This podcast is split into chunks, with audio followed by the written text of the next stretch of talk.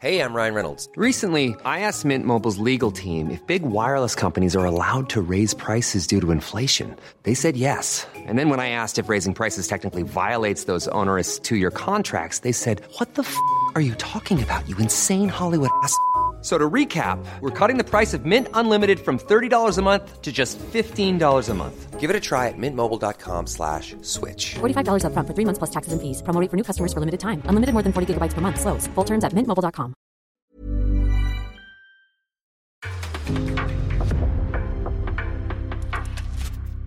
En podcast från Aftonbladet.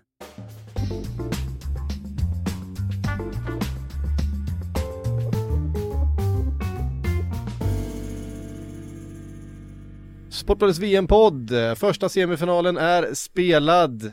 Vi var inne på det inför turneringen skulle starta att det här eventuellt kunde bli Argentinas och Messis VM.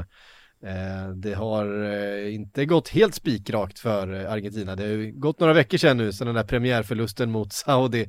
Men eh, det här var Argentinas match. Det här var Messis match. Kroatien till sist, även om de inledde ganska fint i, i, i den här matchen, eh, besegrade. Eh, det fanns inget de kunde göra den här kvällen. Det var liksom, det var dags för Argentina och det var Messi som visade vägen. Eh, Frida var, vi måste börja med att bara prata Messi. Det, det är ju så. Vi har ju pratat om honom i 17 år nu liksom, men vi kommer verkligen sakna honom när han inte spelar längre. Det var min känsla efter igår. Ja, och det intressanta är ju att han hade inte sådär värst mycket, ja men han var inte invol- involverad speciellt mycket fram tills då där han verkligen bara tog över huvudrollen. Det var ju en match som tog rätt så lång tid på sig innan den kom igång och sen när den väl gjorde det så var det ju game over på ett par minuter, vilket var ytterst verkligt. Men Messi, ja, ehm, jag tror väl att Ja men det som är lite fint ändå är ju att det var som någon sa på, eh, jag vet inte om det var den engelska kommentatorn eller vem det var som sa att detta var the goat and the baby. Och då är ju givetvis Messi the goat och sen så Julian Alvarez som var the baby. Och på något sätt så var det väl fint ändå att se dem i, i anfallet och, och hur väl de kompletterade varandra. Och sen att ta en sån som eh, Guardiol då som har gjort en fantastisk turnering rakt igenom, ung och lovande.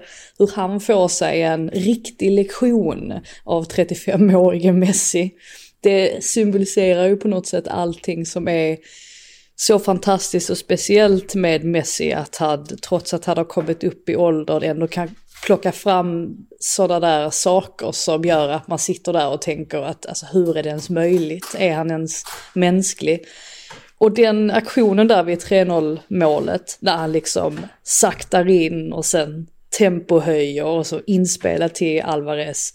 Det var ju, ja, ordet klass räcker inte ens till för att beskriva eh, vilken, ja, vilken otrolig aktion det där var. Det är ju helt otroligt att man som Julian Alvarez kan göra två mål och fixa en straff i en match och ändå med, med viss distans ändå bara vara den näst bästa spelaren på planen. eh, för att eh, det, det, framförallt, det blev ju som att, för man, Messi hade liksom trummat igång även innan den där aktionen, man hade börjat se, han hade gjort några eh, fantastiska grejer, han hade eh, kontrollerat bollen på, på tajta ytor, han hade hittat lag, eh, medspelare i farliga ytor, han hade, han hade börjat liksom, man hade börjat se honom och sen så plötsligt blixtrar han till. Ja, men Messis utveckling i det här eh, turneringen bara är ju ganska intressant egentligen. Från Saudiarabien-matchen där han ja, absolut gör en mål men i övrigt inte är bra. Folk ifrågasätter, är han slut? Kan han fortfarande springa? Han verkar inte fortfarande kunna springa i matchen mot Mexiko men visst står han rätt ändå med sin gåfotboll och gör målet och visst är det han som visar vägen. Visst är det han som också ja, gör det mot, mot Polen, visst är det han som gör det i, mot Australien. Visst är det han som också sätter sina straffar och på något sätt går i bräschen också för den här galna matchen mot Nederländerna där han, ja som vi pratade om inför VM, att den här Lionel Messi i landslagströja är en annan än för några år sedan. För det här är en Messi som på något sätt anammar den här, ja argentinska rivigheten, kallar det svinigheten nästan, i, i det här laget och blir en symbol för det här laget. Och sen nu den här matchen mot Kroatien där han bara visar Ja, det är ju en showcase över hans storhet på något sätt hela det här. Han visar att gammal är äldst mot Guardiol. Han vinner duellen mot uh, Luka Modric som han har tampat med så många gånger i klubblaget genom åren. Och ja, och det sättet han gör den här assisten på också. Eh, lite oavsett vad, vad som händer i finalen så kommer väl det här på något sätt vara en match man verkligen kommer minnas som en som, som är just ett showcase för Lionel Messis storhet och att han får ta sig till ännu en VM-final nu. Ja, det, det, börjar ju låta som, det börjar se ut som att det här kommer vara någonting som leder hela vägen till slut och det hade ju varit ett ett sagolikt väldigt passande slut på hans landslagskarriär. Han sa ju det rakt ut efter också. Nästa match blir min sista VM-match, jag orkar inte mer än det här, det räcker så. Eh, och det, vi får väl se om den slutar i glädjetårar eller sorgetårar, men vi kan ju vara helt övertygade om att Lionel Messi kommer gråta på ett eller annat sätt i alla fall. Ja, det är en, eh, det är en, det är en makalös fotbollsspelare, en makalös eh, karriär mm. på, på alla sätt. Och det finns, jag vet inte om ni har sett det, men det har delats en video i sociala medier, eller någon från sidan av planen än, än i publiken, eh, filmar den här aktionen som han gör. För det är inte alltid så lätt när kameran sitter högt upp och man är långt ifrån att se alla de här detaljerna som gör Messi till den speciella spelaren han är. Alltså de här små, små detaljerna i spelet som eh, som han kan göra och egentligen ingen annan kan på samma sätt. Alltså som man har gjort under alla de här åren och ingen riktigt har begripit hur fan kom man igenom där? Hur, hur, hur kunde de inte ta bollen från de där små, små grejerna och det eh, det är väldigt svårt att redogöra för i en podcast såklart, men om man tittar på den och man kommer ganska nära och man ser hela aktionen i liksom realtid, då bara några meter ifrån sig, så finns det ett par tillfällen, men det är ändå Guardiol som vi har hyllat under den här eh, turneringen som är en av de mest lovande mittbackarna, en av de bästa mittbackarna under VM som är i fin form. Eh, och sättet som han faktiskt försöker spela fysiskt mot Messi, men att det bara inte biter. Och det handlar inte om att Messi är speciellt stark eller att han lägger emot. Det är att han på något sätt absorberar den kraften samtidigt som han hela tiden kontrollerar bollen med fötterna. Eh, för att han är bakom, han tar sig förbi genom vi pratar om att han inte är så snabb längre, han springer inte speciellt mycket, men när han väl springer, jag saknar ett uttryck på svenska för burst of pace. Eh, för acceleration har, accel, eller? Acceleration, ja men alltså de där små korta accelerationerna på kanske två, tre meter som behövs bara för att för Temposkiftning. Att, ja, Tempoväxling säger man. Tempoväxling. Skiftning, ja. Eh, jag tycker burst of pace, eh, burst of pace är, en, är bättre. Mm. Eh, ett bättre uttryck. Men det har han ju fortfarande. Och just det faktumet att han har promenerat i, i större delen av matchen, men så plötsligt så bara boom, blixtrar han till och så är han två meter ifrån där liksom försvararen trodde att han skulle vara. Och sen hela tiden de här små touchen som håller bollen precis, precis så långt ifrån försvararen så att han inte kan nå den framförallt vid ett tillfälle där när Guardiol skickar ut bommen, försöker i alla fall skicka ut bommen mm. på honom nere och ger honom en armbåge i sidan. Den armbågen absorberar han samtidigt som han då med vänstern kontrollerar bollen och drar den bakom sin hö sitt högra stödjeben. Allt det här gör han liksom i en rörelse. Um, det är en sån, det är en otrolig uppvisning av balans och teknik och, eh, och närvaro i de här situationerna. Det, det, blir ju väldigt oförutsägbart, så är det ju. Ja, det är väldigt oförutsägbart och man känner, då kände jag direkt efter, min första känsla var att fan jag kommer, miss, jag kommer sakna Messi när han inte spelar längre. Därför att det är ingen annan som gör det här, det är ingen annan som, som spelar fotboll på det här sättet. Eh, där man kan liksom fortsätta se på någonting och man hittar nya små detaljer att bara häpnas över. Eh, och det är ju så fascinerande. Och den, den typen av magi som han tar med sig till planen, det är därför, det är därför man älskar honom. Det som är fint också på något sätt är ju det här att han förkroppsligade Maradona lite grann i, eh, mm.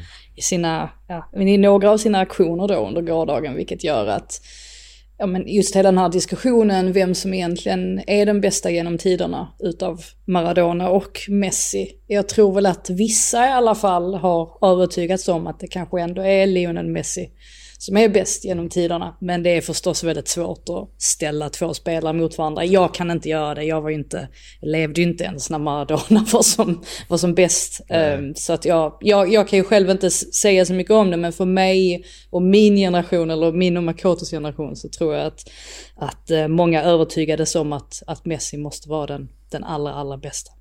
Det är, nog, det är nog fler som har hört ut om att han är bäst snarare än störst. Det är det som är den stora skillnaden på något sätt.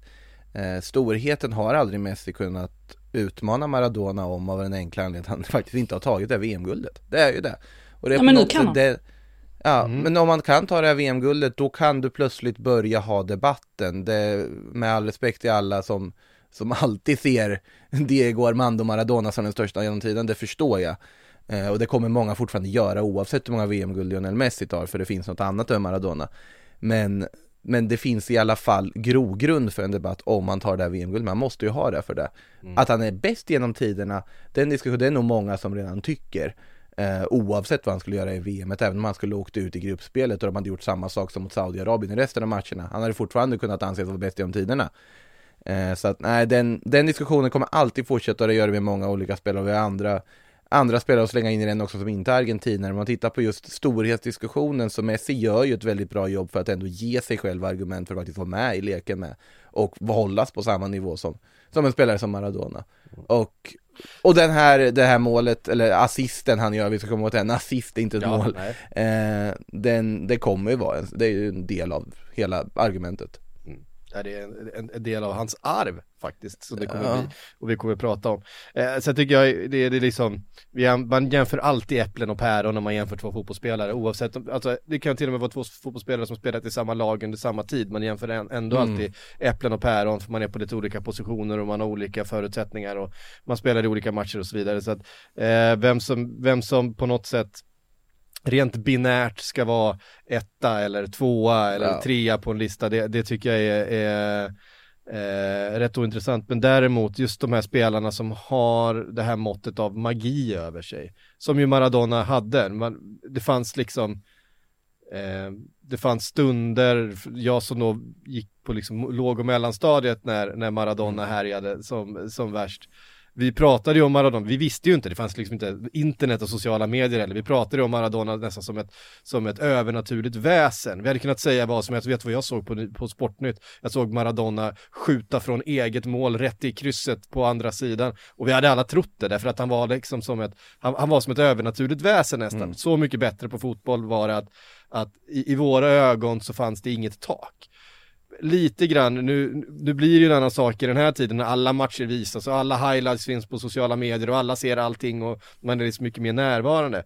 Även i den tiden, när allting avslöjas, när, när allting mm. ligger på bordet, så finns det en spelare, enligt mig, som har en nivå utav magi som vi ändå inte kan riktigt ta på. Som mm. vi inte kan, kan kvantifiera liksom i, i siffror eller i, i, i, i löpmeter eller i, i hastighet eller någonting och det är Lionel Messi. Eh, för man förstår fortfarande inte riktigt hur fan han gör. Eh, och det är det som är så, det är det som är så fascinerande. Och han gör ju det också, han gör ju det också mot ett av VMs absolut bästa försvar som har varit ja, otroligt kompakta hela mästerskapet igenom. Det, det är därför de står i en semi, eller stod i en semifinal också. Och ändå så lyckas de, eller ja, framförallt då Messi lyckas bryta ner det, särskilt då vid eh, 3-0-målet. Jag tycker att det är, ja, det är helt sanslöst. Det, ja. det var ju för sig inte jättekompakt försvaret den här aftonen som vi pratar om. Uh, vi, nej, nej var... alltså, efter ett tag. Nej men det är ju det jag menar de, de, de, Nej precis. Nej det, så är det ju i och för sig, ja, det var... jag, tycker, jag tycker däremot det finns eh, ganska goda eh, anledningar att prata om ett annat försvar som var solitt och som inte bjöd på, Verkligen. på någonting som höll ihop, som eh, spelade för varann, som inte slarvade i, i något, något positionsspel. Det var ju det argentinska försvaret som gör en fantastisk match för att Kroatien spelar väldigt bra. Första 20 minuterna i Kroatien, eh, klart det bättre laget. Men de lyckas inte komma till de där målchanserna därför att det är disciplinerat i, i Argentinas försvarslinje. När den sista passningen ska slås för Kroatien, visst de slarvade en del också. Mycket felbeslut och eh, underliga beslut överlag tycker jag minst. Men det är en... också ett tecken av ett försvar som funkar därför att de måste höja svårighetsnivån lite på det de gör i Kroatien och då lyckas man inte riktigt. Mm. De måste Eh, man är liksom alltid beroende av att ett, motst- att, att ett försvar på ett eller annat sätt går bort sig eller gör ett misstag eller står lite fel för att man ska kunna Mm. skapa målchanser, så är det ju. Och Argentina bjöd inte på någonting. Eh, faktiskt ja. under hela matchen. Jag tycker snarare det, det var mittfältet också som blev på något sätt avgörande. Det var ju tydligt att Scaloni, han hade ju kollat på Brasilien-matchen och insåg att vi kan inte ställa upp vårt lag på samma sätt som Brasilien gjorde mot Kroatiens mittfält för att de dominerade fullständigt i den matchen, stora, stora delar av matchen i alla fall. Vilket gjorde att han då gick ner på en fyrbackslinje igen och sen så hade då liksom alla de här fyra, fyra mittfältarna på något sätt som, som balanserade laget väldigt, väldigt bra. Och eh, då blev det ju på något sätt att ja, men Argentina lyckades matcha Kroatien ändå. Och sen det intressanta ändå är ju just det här med att det tog ett ganska bra tag innan dödläget bröt. Så då var det en, en, en lång boll i, i djupled mot Alvarez som på något sätt, det, det känns ju avgörande. Det blir ju det primära ögonblicket, den straffen som han får med sig där. Och det var väl säkerligen någonting de hade pratat om att de måste försöka, försöka straffa Kroatiens då väldigt kompakta eller tidigare kompakta försvarslinje på just det sättet med de bollarna in bakom. Och ja, då fick de med sig den straffen och sen det snabba 2-0 målet efter det så Va- var det ju kan- klart. Vi, Kan, vad, kan vi prata om straffen? ja, det var det jag tänkte, Ja. vad, vad tycker vi om den? Alltså jag, eh, jag tycker så här att man kan tycka att det är olyckligt för Livakovic och, och vad ska han göra? Han kommer ju ut, han försöker bara göra sig stor. Men jag tycker att det som fäller honom är ju att han stannar ju inte i sin rörelse, han fortsätter framåt. För jag har sett det argumentet eh, fluktuera om att ja men vad ska han göra? För Han kan, inte, han kan inte försvinna ner genom marken. Nej men han kan stanna av sin rörelse, vilket han inte gör. Så jag tycker att visst det är jättetrist att en sån situation blir straff. Men jag tycker att det är straff. Sen, liksom klipp till att, ja med hela halvtidsstudion på ITV här i England. Hela den handlade om straffen. Och så tar de in då Peter Walton som är liksom domare och han säger, menar på liksom att men det är straff. Alltså det är, det är trist liksom om ni inte tycker det, men det är straff. Varför då Ian Wright, Roy Keane, eh, Gary Neville sitter och säger det är inte alls straff, det är inte alls straff. Så vi har en, alltså, en, en, en professionell domare som sitter och säger jo, det är straff. Det är så regelboken är skriven. Och de här tre ex-spelarna som, som sitter och skriker att det inte alls är straff. Och jag landar liksom i lite samma sak som Peter Walton där, att det är, det är trist att det blir straff. Det- Men, men jag tycker inte att det inte är straff. Vad roligt det har blivit en sån här, en sån här meta-argumentation mot domaren fast det sker på ett annan, liksom, annan plan där då i Ja, det var typ så. Gam- ja men För, gamla för spelare Peter, sitter Peter Walton fortsatte, Peter Walton fortsatte att säga liksom, ja, men det är tyvärr killar, det är straff. Varpå man hörde Ian Wright då, liksom, no it's not. Alltså att de kunde inte, de kunde inte släppa det heller. Så att det visar väl att, att fotboll, eh, fotboll berör på något sätt och alla håller inte med varandra. Roy Keane ilska skriker ref från något Ja. hörn liksom, ifrågasätt.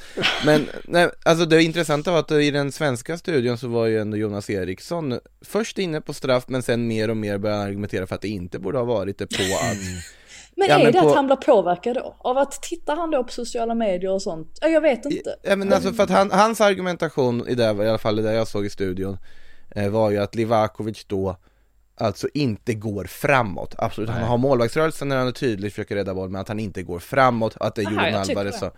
Ja, eh, jag, ty- jag håller med dig Frida, att på att det, alltså jag tycker att det är olyckligt, men det är straff på att en målvakt kommer ut och ska försöka rädda, når ingen boll, plockar en spelare. Det, det är liksom så enkelt, han står i vägen om man hade inte fått straff där så hade man varit rosenrasande som anfallande lag. Så att ur det här perspektivet tycker jag att det är straff. Det som jag slog mig i den situationen är, vad är det för rensningsförsök efter? Alltså det är något av det sämsta jag sett. Killen, ja, men killen försöker rensa efter. Det, bollen kommer ingen vart, det går en meter bort och det blir livsfarligt. Och på Det- tal om rensningsförsök så kommer vi till Ja, nej men alltså, och Dejan Lovren som faktiskt, eh, vi, vi har varit inne på att eh, Guardiola har varit väldigt, väldigt bra, men jag menar Dejan Lovren 2022 är ju en säkerhetsrisk. Han, är, han, var ju en, han har ju varit en säkerhetsrisk under hela sin karriär. Han har väldigt hög högsta nivå, han kan spela väldigt bra, men han har nästan alltid ett misstag, ett felbeslut eh, i, i varje match, eh, om man ska vara riktigt ärlig.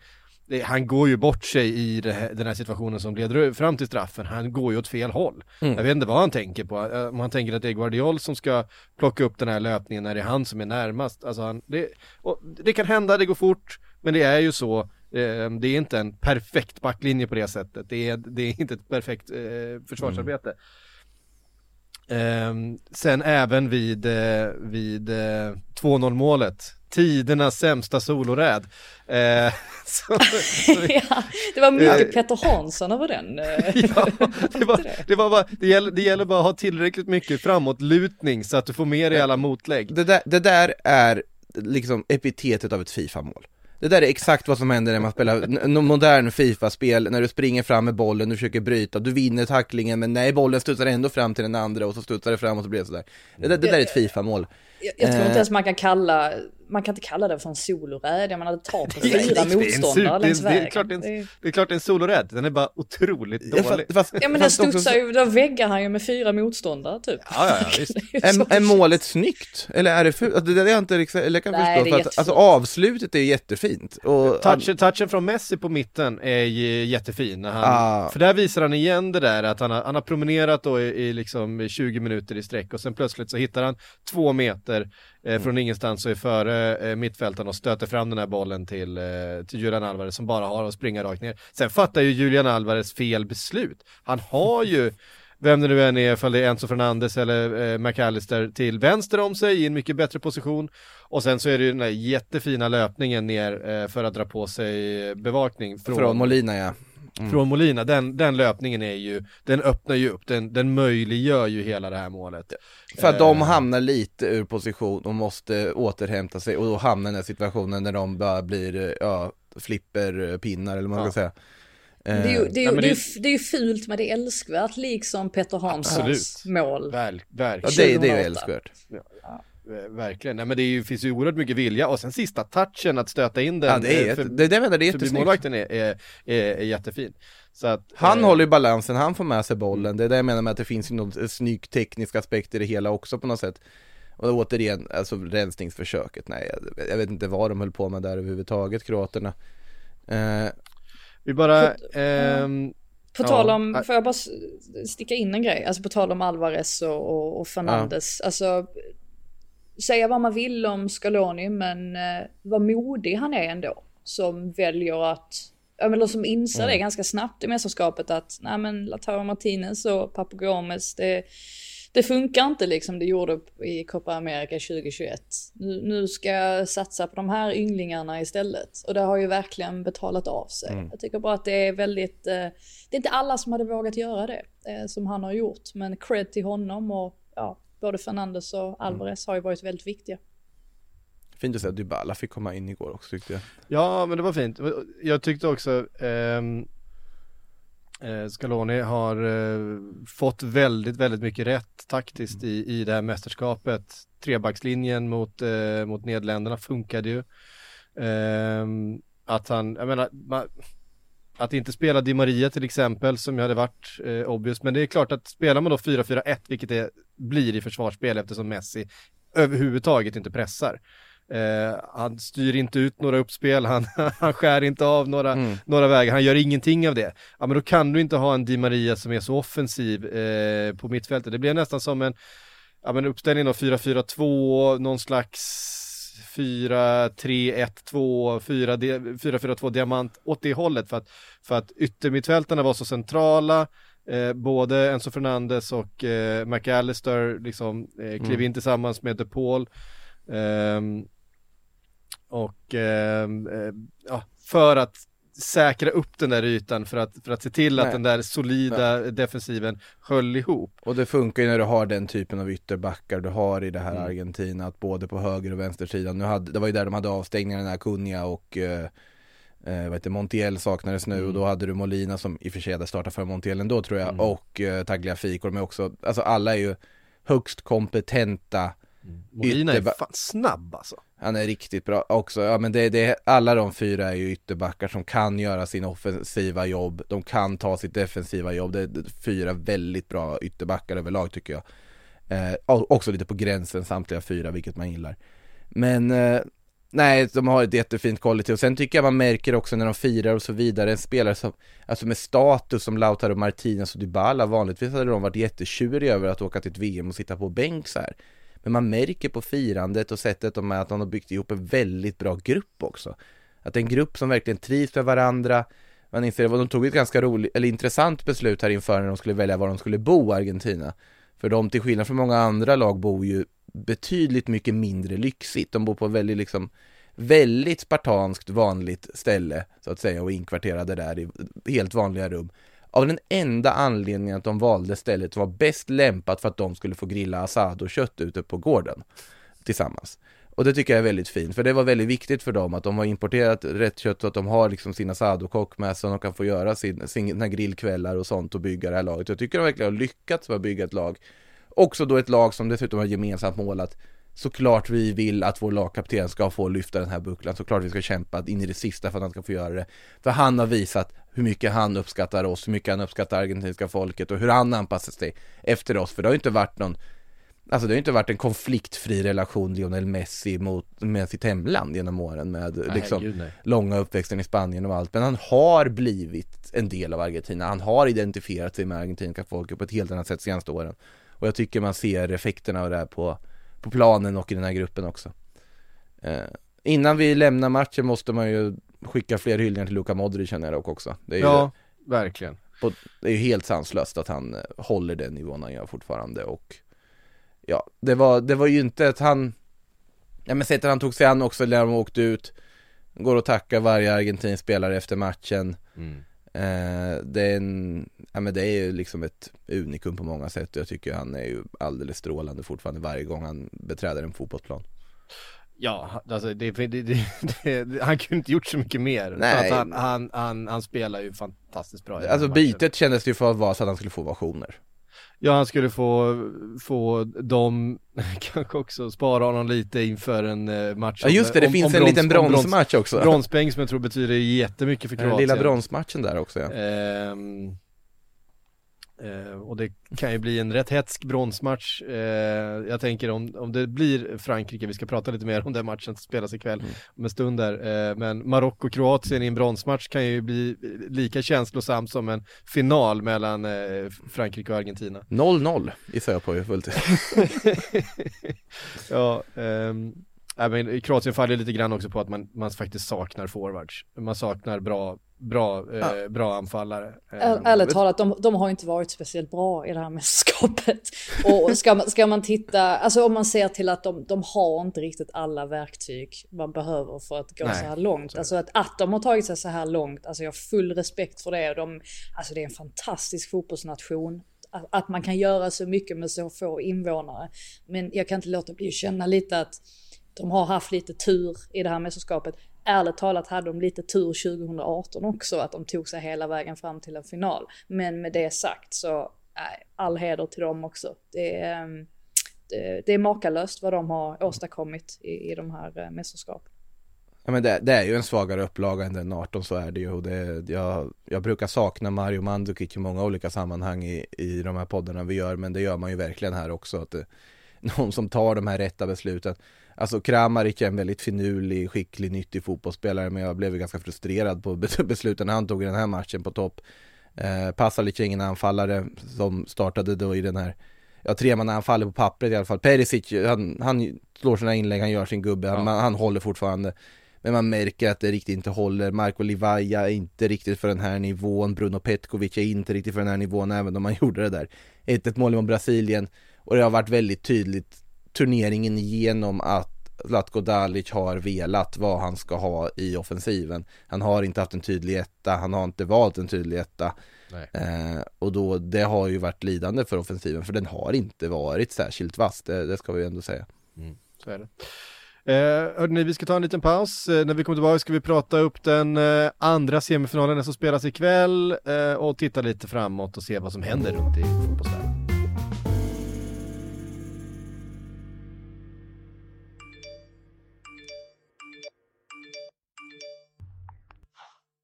Sms kan vara jobbiga, men det kan också vara ett sätt att göra skillnad. Gå med i Amnestys sms-nätverk alert. där du kan skapa förändring direkt från din telefon. Det kostar ingenting och tar mindre än en minut. Det är superlätt att gå med. Bara smsa alert till 72990. Smsa alert till 72990. Argentina klart för VM-final. Ehm, frågan är vilka man ska möta där ikväll som möter Frankrike, Marocko. Ehm, det blir en, en otrolig match på så många sätt. Marocko såklart, vi har pratat om det, det första afrikanska laget, det första arabiska laget i en VM-semifinal någonsin. Men det är också ett lag fullt med skador, det är ett lag med fullt med frågetecken eh, och kanske ett lag som redan har presterat någonting, liksom punching above their weight på något sätt redan. Eh, kan de få ihop bitarna? Kan de göra det här mot Frankrike tror ni? Ja alltså, jag tänker... Egent, egentligen så ska de ju Nej, inte kunna det. Liksom. Jag, jag, li, Rent logiskt. jag lider lite, eller såklart ju alla möjligheter i världen har de ju på så sätt och det är ju deras livsmöjlighet att få spela en VM-semifinal men det, man lider ändå lite med eh, förbundskaptenen Regragui där som kommer behöva ta väldigt svåra beslut. För om man tittar på alltså Mazraoui, Aguerd, lagkaptenen Romain Saiz alla de här har ju haft skador. Mm. De, har, de klarar den här matchen mot Portugal med tre av fyra ordinarie backar borta och Achraf är ju inte känd för sitt defensiva arbete kanske direkt primärt, även om han har tagit det också i det här mästerskapet. Eh, men då alla de här spelarna som har varit småskadade, halvskadade eller på väg tillbaka och kamper mot klockor för att hinna till den här matchen. De kommer ju spela så länge de har två fungerande ben, de kommer vilja spela. Men du måste våga ta svåra beslut. Vågar du chansa med Romain Saiz, lagkaptenen, igen från start eller riskerar han att behöva bryta efter 20 minuter och du bränner ett byte? Eh, många sådana aspekter som är nog väldigt svåra att avgöra för Gregory. Jag måste verkligen, jag hoppas att han har full tillit till sitt läkarteam, att de vet vad och vågar säga läget så att de inte hamnar i ett läge där spelare bara spel, startar på adrenalin och måste byta tre pers inom första halvlek för då kommer de inte lösa det här. Eh, men överlag annars hur laget fungerar, framgångsvågen de går på. Eh, såklart att det finns möjlighet att skrälla. De har ju sett att de kan slå de bästa. De har sett att de kan stänga ner de bästa. Och det betyder ju väldigt mycket. Men samtidigt, det som Frankrike har, ja, det är ju bland annat en Kylian Mbappé. Säg att de lyckas stänga ner honom då. Ja, då har de Olivier Giroud. Ja, de stänger ner honom. Och då är Osman Dembélé plötsligt där och gör någonting. Eller Antoine Griezmann hittar en perfekt passning från sin sin djupt liggande position. Så det finns många matchvinnare i det här Frankrike och det finns så mycket kvalitet i det här Frankrike. Som jag, på ett helt annat sätt än vad jag tycker det gör i eh, Portugal och Spanien, i alla fall i de här VM-upplagorna. Så på förhand så ska ju Frankrike 99 gånger av 100 lösa det här. Men det sa man ju inför Portugal-Marocko också, det sa man nästan inför Spanien-Marocko med. Så att, nej det ska bli väldigt spännande. Jag hoppas att det blir intensivt, spännande och dramatiskt, för det tyckte jag vi saknade i semifinalen vi fick se igår. Jag tror att fasta situationer kommer att bli, eh, kan bli, potentiellt bli avgörande. För att om det är någonting Marocko, alltså där deras defensiv kanske inte är hundraprocentig så är det just på fasta situationer. Någonting som Frankrike i sin tur, de har många spelare som ja, är farliga i de lägena. Och sen handlar det ju också mycket för Frankrike om att Ja, det är klart att man kan straffa Marocko trots att de har sett så stabila ut bakåt. Men då gäller det att, att eh, rycka dem ur sina positioner. Och det, ett sätt att göra det på det är ju att låta Theo Hernandez verkligen ta sig fram på kanten. För det gör ju att de, de måste Marocko agera på något sätt. Alltså om de hamnar i den, ja, alltså med fem spelare framåt. Så det är ju ett, det är ju ett sätt för, för Frankrike att komma åt Marocko. För det kommer väl handla om det också på något sätt. Att Marocko kommer, de kommer fokusera på att göra det de har gjort så himla bra så här långt i hela mästerskapet och det kommer bli Frankrikes jobb att försöka bryta ner det där. Sen ja, blir det ju mycket snack såklart om Hakimi mot Mbappé, liksom de två vännerna som möts och så, men jag landar ändå på något sätt i att eh, även om mycket säkert kommer handla om Mbappé i alla fall så är ju Griezmann på något sätt nyckeln och har varit för Frankrike under väldigt lång tid. Alltså kan de få honom involverad och kan de få honom eh, ja, i rätt positioner hela tiden. Alltså han poppar upp lite här och var på planen. Alltså då har ju Frankrike på något sätt den där spelaren som just kan länka ihop och, och, eh, och, och skapa lägen på ett sätt som eh, ja, inte alla spelare kan. Så att det finns ju ett par sådana där, eh, ja, par sådana där dueller på något sätt på planen och ett, ett x antal aspekter som mm. Frankrike måste få rätt på något sätt. Och, och, då kommer de absolut kunna fälla Marocko för att jag tror att Marocko dessutom eh, möjligen är lite trötta nu rent, alltså inte bara fysiskt utan psykiskt också för att det, det tär ju ändå på en att gå igenom sådana här eh, duster mm. eh, som de Verkligen. har gjort eh, den senaste veckan.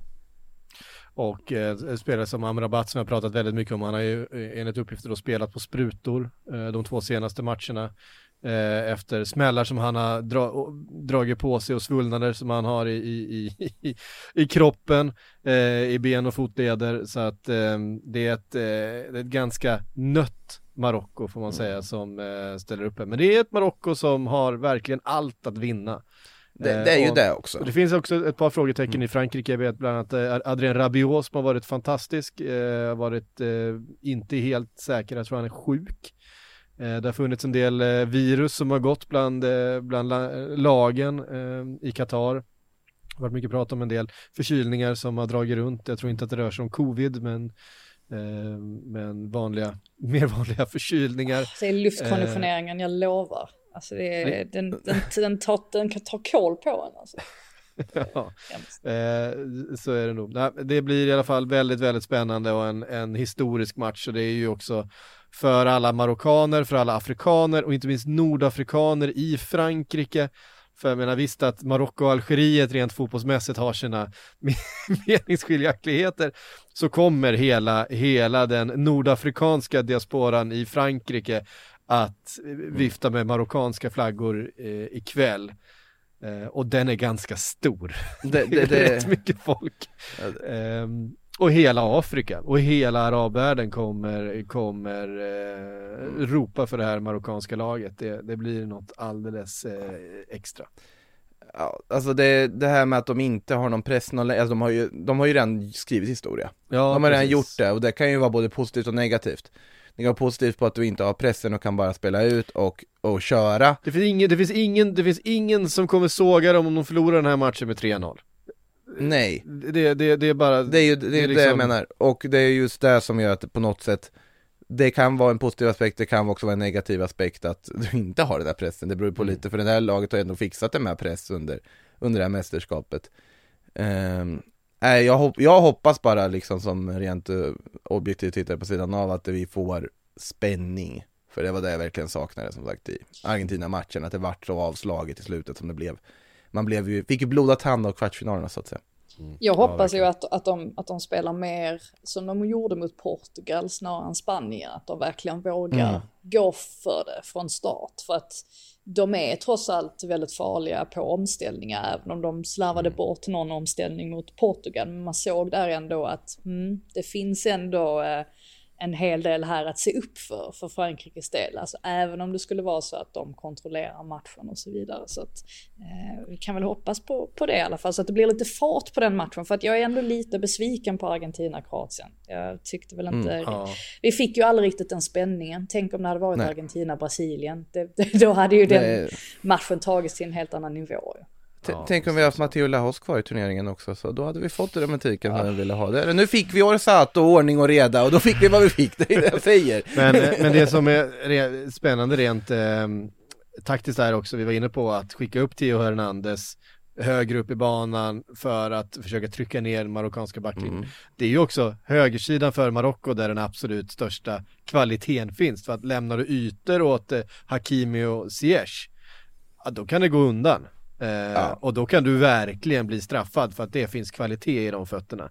Um, och det, det kanske är den sidan man inte vill släppa, det kanske är den andra sidan man egentligen skulle vilja trycka upp med och där finns inte riktigt samma, samma kvalitet, även om Kondé har varit väldigt bra så är han ju inte det offensiva hotet som Theo Hernandez är. Ehm, Det blir väldigt spännande att se om nu, om det skulle vara så att Rabiot inte kan spela vem man väljer istället. Jag vet vem jag tycker de skulle kasta in. du vill ju ha Kamavinga. Ja såklart, jag vill, jag vill ha kaoset rakt in, alltså bara på den, alltså oberäkneligheten och kvaliteten han har och samspelet med Chouameni och så vidare. Tycker jag är no-brainer egentligen, men nu har ju han skolats om till vänsterback under Deschamps, så att då blir det väl Jordan Fertou eller något istället, eller Guendouzi. Eh, men eh, Ja, det blir väldigt spännande att se vad han väljer där, för den mittfältskampen blir också viktig, för om det är något som har imponerat i Marocko så är det ju inne i mittfältet med med Amrabat som vi nämnde, med Onahi som eh, varit alldeles strålande, Angers eh, 22-åringen, eh, Amala där bredvid också som spelade. De har ju gjort det helt otroligt bra egentligen, det, det här mittfältet. Och nu ställs de ju mot ett en tuff kamp till mötes här också med Chouameni plus en, men de kommer ju ha ett övertag på att de går in med tre inom mittfältare mot två. Chouameni är en sån som skulle kunna fixa det där, men frågan är vem man får med sig. Fofana. Ja, det är ju inte helt otänkbart det. Ehm, Det är ju inte helt otänkbart. tro, troligtvis skulle jag säga om De, de har ju spelat om, tillsammans med så att det, ja, om ja. Rabiot går ut. Faktiskt. Nämnde alla andra in i mittfältet i truppen förutom Fofana där också. Som det är mest kanske troliga. Ja, precis. Så kan det gå. Ehm, ett par grejer som vi kan vara värda att, att lyfta. Portugal efter eh, sitt fiasko får man väl ändå säga, utslagen utav Marocko. Eh, ser sig om efter ny förbundskapten, har hört av sig vad till. José Mourinho. Ja. Eh, som då eh, ska enligt de här uppgifterna eh, i alla fall inledningsvis dubbla sin arbe sitt arbete i Roma med rollen som eh, Portugals förbundskapten. Nu var det ju visserligen Brasilien jag tyckte skulle höra av sig till eh, Mourinho, men Portugal det funkar eh, alldeles utmärkt det också. Du måste älska det här alltså. Ja, det är klart jag gör. Men, men alltså, vill, man inte, vill man inte se, alltså tänk, tänk dig så här, EM om två år i Tyskland, Portugal, så att Cristiano fortfarande har hankat sig liksom vidare, han säger ju att han ska satsa Ja. mycket. Och det här portugisiska laget med all kvalitet som finns, och sen en Mourinho vid sidan av planen som beter sig som ett as. Eh, Men, men hur ska han kan, Pepe, han, kan, 41 år. och han kan ju liksom inte riktigt, alltså Mourinho, vem ska han skylla på? Han kan ju inte skylla på transferaktivitet och sånt, tänker jag. Alltså om det, skulle, om det skulle vara så att han känner att han inte har rätt spelarmaterial. Han, han skyller på argentinarna. Ja men alltså bara upp, uppladdning, presskonferenser, allt det här du vet, det är så mycket anonyma, tråkiga eh, förbundskaptener där ute, in kommer Mourinho och bara liksom river upp stället. Det är, så är inte gör. konstigt att han inte har haft landslaget än. Nej, men han har ju varit så framgångsrik i alla klubblag, då, då Har- har, han, har varit har- för, han har varit för bra för alla? landslagen. Ja, alltså det, det finns ju ändå någonting i att med tanke på vad han har gjort och åstadkommit och gjort för portugisisk fotboll att han har känt som solklar förr eller snack- senare. Snacket har ju Ja, funnits där länge. jag, jag men, tycker eh, att det, det är faktiskt rätt val på så sätt att jag tror att det, det har betytt mycket för honom tror jag. Att få, få det, den, den äran som det ändå är. Jag skickar upp Portugal som favoriter till EM-guldet eh, direkt. Eh, det, England då? Ja, fan, de har ingen Mourinho. Ja, men England spelar Steven. Gerrard väl? Var det inte det jag läste? Steven Jag läste. Steven Gerrard. Alltså dra inte ens upp, alltså den diskussionen här på öarna de senaste dagarna, huruvida man ska anställa en utländsk tränare eller inte. Alltså den, den Ja. har nej. spårat ur totalt. Åh, nej. Det är- Jag såg att Jamie Carragher och Richard Keys rö rök ihop. Eh, Ja. Det, det slutade med att Richard Keys kallade Jamie Carragher för rasist. Oj, För Men ibland, ibland kan jag bli så, jag kan bli så fascinerad över hur eh, folk kan ha så eh, bestämda åsikter om saker. Ja men som Carragher i det fallet att nej, England ska ha en engelsk förbundskapten. Då kan jag bli lite så här att ja, jag kan förstå vissa argument. För det var ju något argument i någon annan krönika i The Telegraph eller vad det var. Som menade på att ja, men om alla spelarna är från ett land, om man inte får ta in någon annan spelare, ja men då känns det inte ganska naturligt då att ha en tränare som också är från samma land. Och absolut, alltså jag kan köpa det på ett sätt för att det finns ju en, en klasskillnad också på något sätt i att FA som är så rikt och, och eh, stort förbund, de kan ju i stort sett plocka in ja, men, i stort sett vem som helst. Det, det kan ju inte alla förbund göra. Och, och jag, just den jämställdhetsaspekten, absolut, den är jättefin och sådär. Men, men var går gränsen för vem är engelsk? Alltså Rafa Benitez som har bott i, eh, i England i de senaste 20 åren. Får han lov att bli förbundskapten? Jag tycker det blir så intressant när folk bara hugger fast någonting sådär stenhårt. Jag menar, Tuchel då som jag tycker lätt borde ta över England om han vill och kan. Mm. Eh, Han älskar den engelska kulturen, han smälter in väldigt bra här, rent språkligt så är han Ja, alltså han pratar ju flytande engelska. Jag ser liksom inga hinder för varför inte han skulle kunna ta över England. Och jag vet om att argumentet är hela tiden att, ja men kolla vad som hände med Capello, kolla vad som hände med Svennis. Och absolut, de två de två anställningarna, det är, det är de konstigaste, största misstagen som FA har gjort. Och det mm. menar jag inte, vill inte vara för hård mot Svennis, men det var rätt konstigt att ta in någon som kanske inte hade den erfarenheten av England. Och jag menar Capello, han, han hatade ju England. Alltså det var ju jättetydligt, han ville ju inte ens vara där och spelarna ville inte ha honom. Han hatar alla klubbar han är i. Ja, men det var ju superkonstigt alltihopa. Men Tuchel är ju en annan sak. Det är det jag menar, ja. varför ska det alltid vara så svart eller vitt? Varför kan vi inte landa någonstans i gråzoner? Och jag menar Sarina Wigman senast i, i somras tog EM-guld med, med mm damlandslaget så att jag vet inte, men det är det vi har pratat om här borta i alla fall. Sven, Svennis vann faktiskt mot Tyskland med 5-1, det ska vi komma ihåg, fick en sång. Uh, ja. Så det, det, det är viktigt, viktigt argument. ja, alltså han, var, han hade ju sina... Skinheadbandet The Business, England 5, Germany 1. och Svennis var ju faktiskt, han, han var ju uppskattad också av spelarna, det var inte det, men, men det är väl kanske mest att med facit i hand så var det väl rätt konstigt ändå ja. att ta in honom. Ja. Apropå så här, förbundskaptens, eh, vakanta förbundskaptensposter och rykten om utländska aktörer som kan ta över.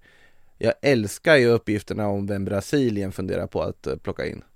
Som jag tycker är helt rätt för dem. Och ja, det är inte Mourinho. Det är inte Pep som det var att snacka om först, för alla kopplas till Pep och Pep hade varit intressant i alla landslag. Carlo Ancelotti. Ja, okej. Okay. Alltså... Ja, det är lite mysigt. Ja, men att Ancelotti och sen ha då Vinicius Rodrigo som kommer in i sina bästa år med Carletto som förbundskapten med tanke på kvaliteten som finns i den, den brasilianska truppen när han är där som mysfärg och bara, men gör vad ni vill. Uh, jag tror att det hade varit helt makalöst bra. Sen är det rätt uh. intressant ändå att det, en utländsk tränare har aldrig vunnit VM. Uh, alltså, Nej. Det har, det har aldrig, I EM har det ju hänt en gång och det var ju Grekland 2004. Just det. Är det den jag, enda som har, är det sant? Mm. Och jag, jag tror väl, jag har, jag, jag har tänkt mycket på det här de senaste dagarna. Jag har en teori om varför det är så. Och jag tror det landas, landar i att England, dels har England inte vunnit VM-guld VM på ganska länge.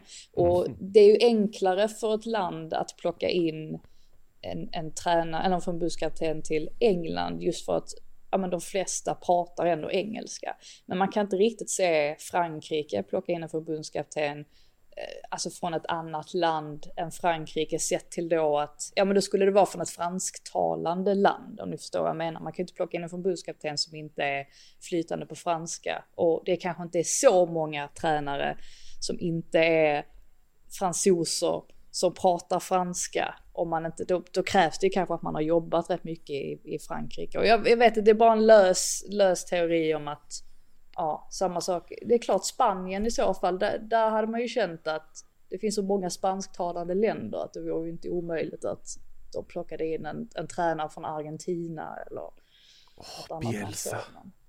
Mm, ja. oh. eller, eller Pochettino. Man ska väl ta Uruguay läste jag väl någonting om att Bielsa ändå kopplades till. Jag vet inte vad det blev av det. Ja, men jag tror att det där med språk, språk och kultur, jag tror på något sätt att ja. det är ganska viktigt ändå.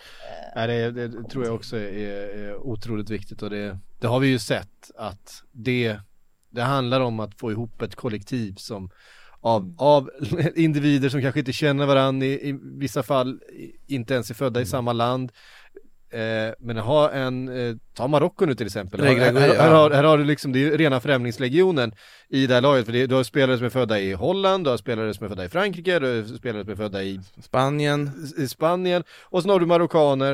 Eh, och det de har lyckats få ihop, det är ett lag av allt det här. Och det där kan vi prata om även, alltså det räcker med att ta ett svenskt lag. Jag menar, du har, du har spelare i det här laget som inte, de har inte spelat i allsvenskan. De flyttade som 16-17-åringar utomlands och har sin mm. skolning eh, eh, i de ligorna, i de länderna. Hur gammal var Victor Nilsson Lindelöf när han drog till Portugal? 18 kanske?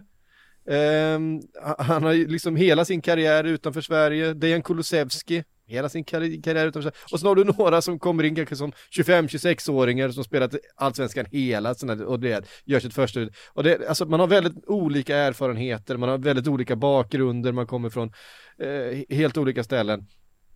Och så på, på ett par veckor så ska man bli ett lag som 100% drar åt samma håll. Du måste ha 11 spelare på planen som tycker och tänker och vill precis samma sak egentligen. För det är det mest effektiva vapnet du kan ha. Men, det, det där, Men det där, är ju- där hade jag kunnat se Graham Potter ändå. Alltså Graham Potter som ändå bodde i Sverige i nästan ett årtionde. Han pratar svenska.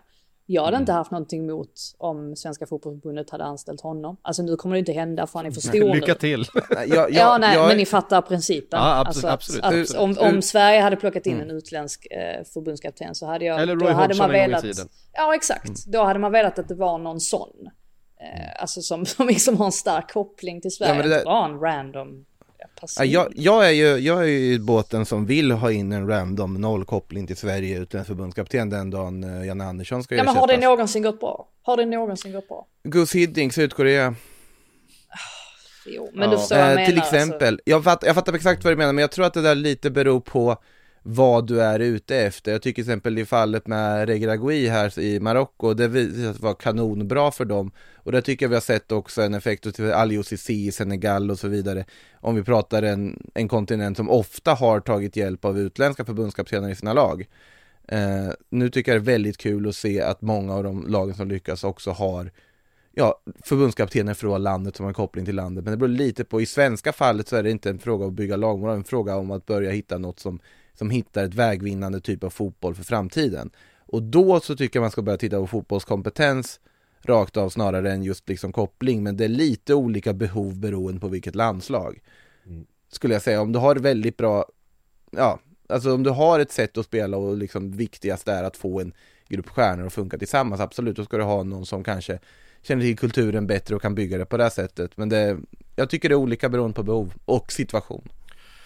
Ja, så är det. Vi eh, eh, samlar ihop här idag då. Vi ser fram emot eh, den andra semifinalen ikväll. Frankrike-Marocko, alltså jag kan inte bärga mig.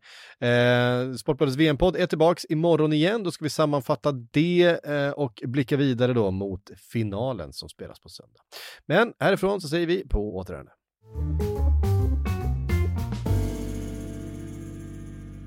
Du har lyssnat på en podcast från Aftonbladet. Ansvarig utgivare är Lena K Samuelsson.